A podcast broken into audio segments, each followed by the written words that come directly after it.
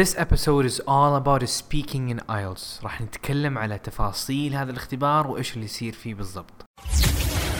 This is دليلك بودكاست اختبار ال speaking عبارة عن مقابلة بينك وبين المختبر. هذا المختبر حيكون native احتمال كبير أو أنه يكون شخص شبه native يعني تعلم لغة وأتقنها. جاب تسعة من تسعة وثمانية ونص من تسعة في اختبار ال IELTS فيعتمد من حسب المنطقة لكن معظم الأحيان حيكون شخص كذا مرة محترف في ال في, ال في الإنجليش.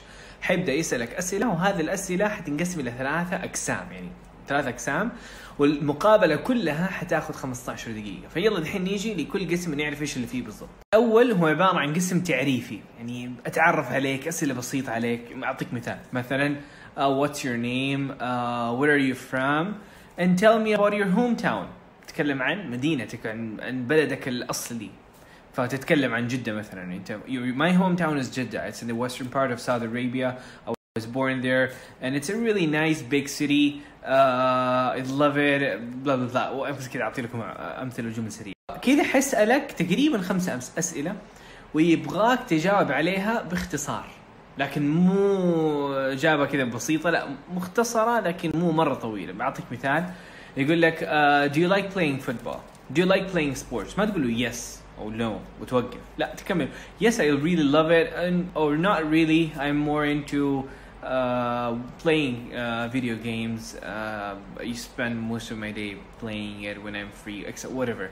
كذا تكمل يعني فتحتاج تدعمها بجمله جملتين لكن اجوبه مختصره فحيصير كثيرين خمسة ستة سبعة ثمانية أسئلة بعدها حينتقل لل part 2 part 2 عبارة عن آه، أسميه كذا خطاب. يعطي لك ورقة ومكتوب فيها أربع أسئلة في موضوع معين.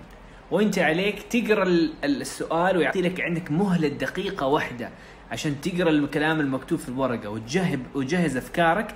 بعدين عندي لازم تتكلم لمدة دقيقة واحدة minimum و maximum. دقيقة عشان تقرأ السؤال وتجهز أفكارك وترتب أفكارك وبعدين تبدأ تتكلم ومطلوب منك ضروري تتكلم minimum أقل شيء دقيقة واحدة متواصلة أو دقيقتين maximum ف minimum دقيقة maximum دقيقتين لازم تتكلم فيهم. والمختبر ما ما حيكون عبارة عن نقاش. هو عبارة عن فقط كذا تعطي تلقي خطبة صغيرة. آه فبتلقي هذا الكلام وتتكلم هذا الكلام السؤال الطويل اللي نسميه. فتجاوب الجولة المطولة هذه. بعدين يقول لك خلاص انتهى الوقت ويقول لك يلا على ال section 3 مثال بشكل شوية تفصيلي عن مثال على ال part 2 إيش إيش هذا السؤال اللي تكلم فيه دقيقتين دقيقه دقيقتين فهو عبارة عن سؤال ورقة واحدة مكتوب فيها أربعة أو ثلاثة أسئلة تفصيلية. مثلا اتكلم عن آخر جمعة عائلية حضرتها. متى كانت الجمعة؟ فين كانت؟ إيش سويتوا؟ هل استمتع بالجمعات العائلية ولا لا؟ أو هل استمتعت بيها ولا لا؟ هنا شوف أنت عليك تتذكر. تجيب مخك تفكر فيه وتجمع أفكارك وتبدأ تتكلم. فهنا لاحظوا إيش اللي يصير؟ إنه يعطي لك ال topic وإنت عليك تجمع أفكارك. احتمال كبير إنه إنت مثلا شخص مبتعث. ولا مرة صارت لك جمعه عائليه من ثلاث سنوات مثلا. فوقت عليك تألف وتخترع معلومات. ولاحظوا إنه ال part 2 بشكل يعني احتمال كبير جدا يسألك أسئلة من الماضي. يعني ما يسألك سؤال دحين وبعدين حيسالك اتكلم عن آخر حفلة اتكلم عن آخر مرة شفت فيها زرت فيها صديق اتكلم عن آخر جمعة عائلية. اتكلم ما هو دائما لكن زي ترند موجود بشكل عام إنه بيسألك أسئلة في الماضي.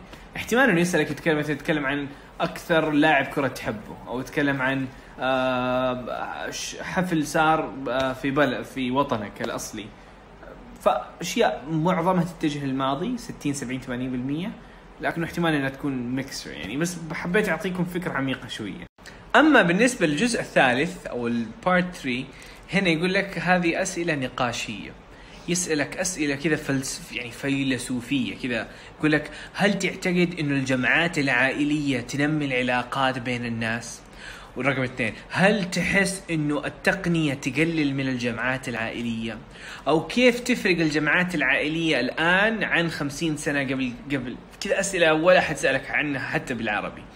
فهنا عليك تفلسف وتفكر يعني في الاختبار هنا يشوفك كيف انت قاعد تفكر وإنك تحاول تجاوب على أجوبة معقدة وتبرر عن تفكيرك وتفكر في نفس الموقف. يعني سؤال ما ما كان مر عليك قبل كذا. كيف تفهم السؤال كيف تفكروا وكيف تنطق باجاباتك وكيف يعني تبني رأيك. طبعا كلامك ما يهم رأيك ما يهم لكن يهم كيف أنت ولدت الأفكار وكيف تكلمت فيه. هاو هاو يو سبوك يسألك كذا أربع أسئلة تقريبا وفي 14 دقيقة يعني تقريبا كأفرج ويخلص الاختبار. يقول خلاص شكرا مع السلامة. تقول مع السلامة. فلاحظوا إيش اللي صار؟ هذه ثلاث أقسام. هدفها إنها تقيمك قد إيش إيش هي قوة المحادثة عندك؟ قد إيش أنت تقدر توصل المعلومة والفكرة عندنا أربع معايير ال IELTS يستخدمهم كمعيار رسمي عشان يقيمك.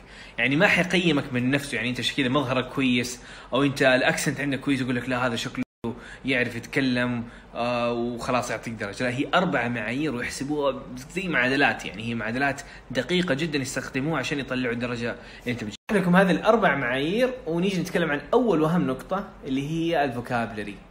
يبغى يشوف قد إيش تستخدم فوكابلري قوي كلمات متنوعة قوية أكاديمية بدون اخطاء يعني ما تستخدم كلمة ما تعرف معناها أو ترميها بس كذا لأنك حفظت الكلمة. مثلا أعطيكم مثال بدل ما أقول إنه uh, the family gathering was was very good بدل ما أقول كذا كان يمديني أقول the family gathering was really interesting. I met new relatives I didn't know before. uh, فلاحظوا أنا قلت really interesting I was very uh, exciting to meet them to meet new people. بدل ما تقول it was good. فهذه هذه لاحظوا الفرق. فهذه تأثر في الدرجة بشكل كبير. يعني هذا يعتبر معيار واحد. المعيار الثاني هو الجرامر هذه نقطة ترى مرة مهمة. إحنا لما نيجي نتكلم إيش أكبر خطأ يصير؟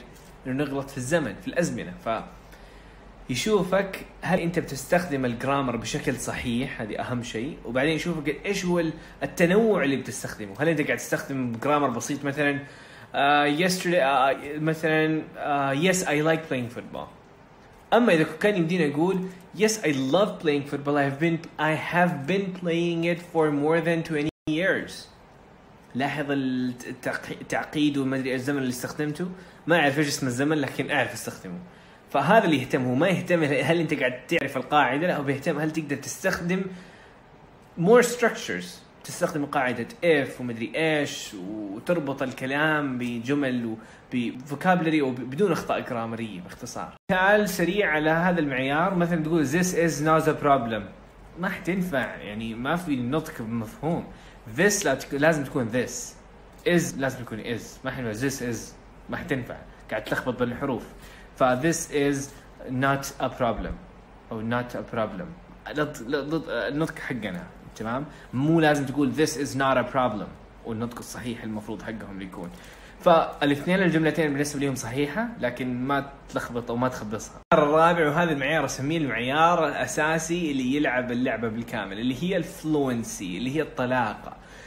هو بيشوفك في الاختبار لما تجي تتكلم تتكلم بدون التأتأة بدون ما توقف بدون ما تخبص وترجع وتسوي reverse لخبطة ما يبغى لخبطة ما يبغاك لما تتكلم قد ما تقدر. طبعا كل واحد أكيد مستوى حسب مستواه بيتاثر لكن قد ما تقدر تكون طلق ما توقف ما تفكر كثير تمام؟ وتتعلم الجمل هذه اللي تساعدك على ال fluency زي مثلا uh, let me think uh, let me think معناها خليني أفكر. Um, so I think that أنا أعتقد إنه وتفكر. أعطيكم مثال سريع على هذا ال على هذا ال هذا المعيار كيف يتأثر.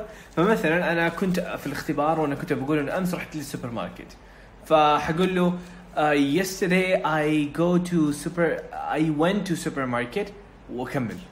لاحظ إيش اللي صار؟ إنه أنا قلت yesterday إنه أمس I go to supermarket. جو ما راح تزبط فمخي على طول أوف هذه مشكلة لخبطة. أوه آه وقف الكلام وحاول ترجع وتكمل. فإيش اللي صار؟ علقت. اول حاجة غلط والغلطة حس يعني تم احتسابها. المختبر حسب إنه عبد الرحمن غلط غلطة في الجرامر في الزمن الماضي. لكن علقت ورجعت وصححت وكملت. هذا إيش صارت صار غلطة ثانية. غلط غلطة في الفلونسي انه وقفت كلامي وقطعت ورجعت وكملت. فكلامي صار مقطع. فهذه هذه من أحد الأخطاء اللي تأثر في الاثنين. تأثر في الجرامر وتأثر في الفلونسي والحل ليها إنه لما تغلط والحل لهذه الغلطة إنه لما تغلط غلط جرامر ومخك يعني يعرف إنه يحاول يتدارك الموضوع ما في تدارك. تدارك وكمل.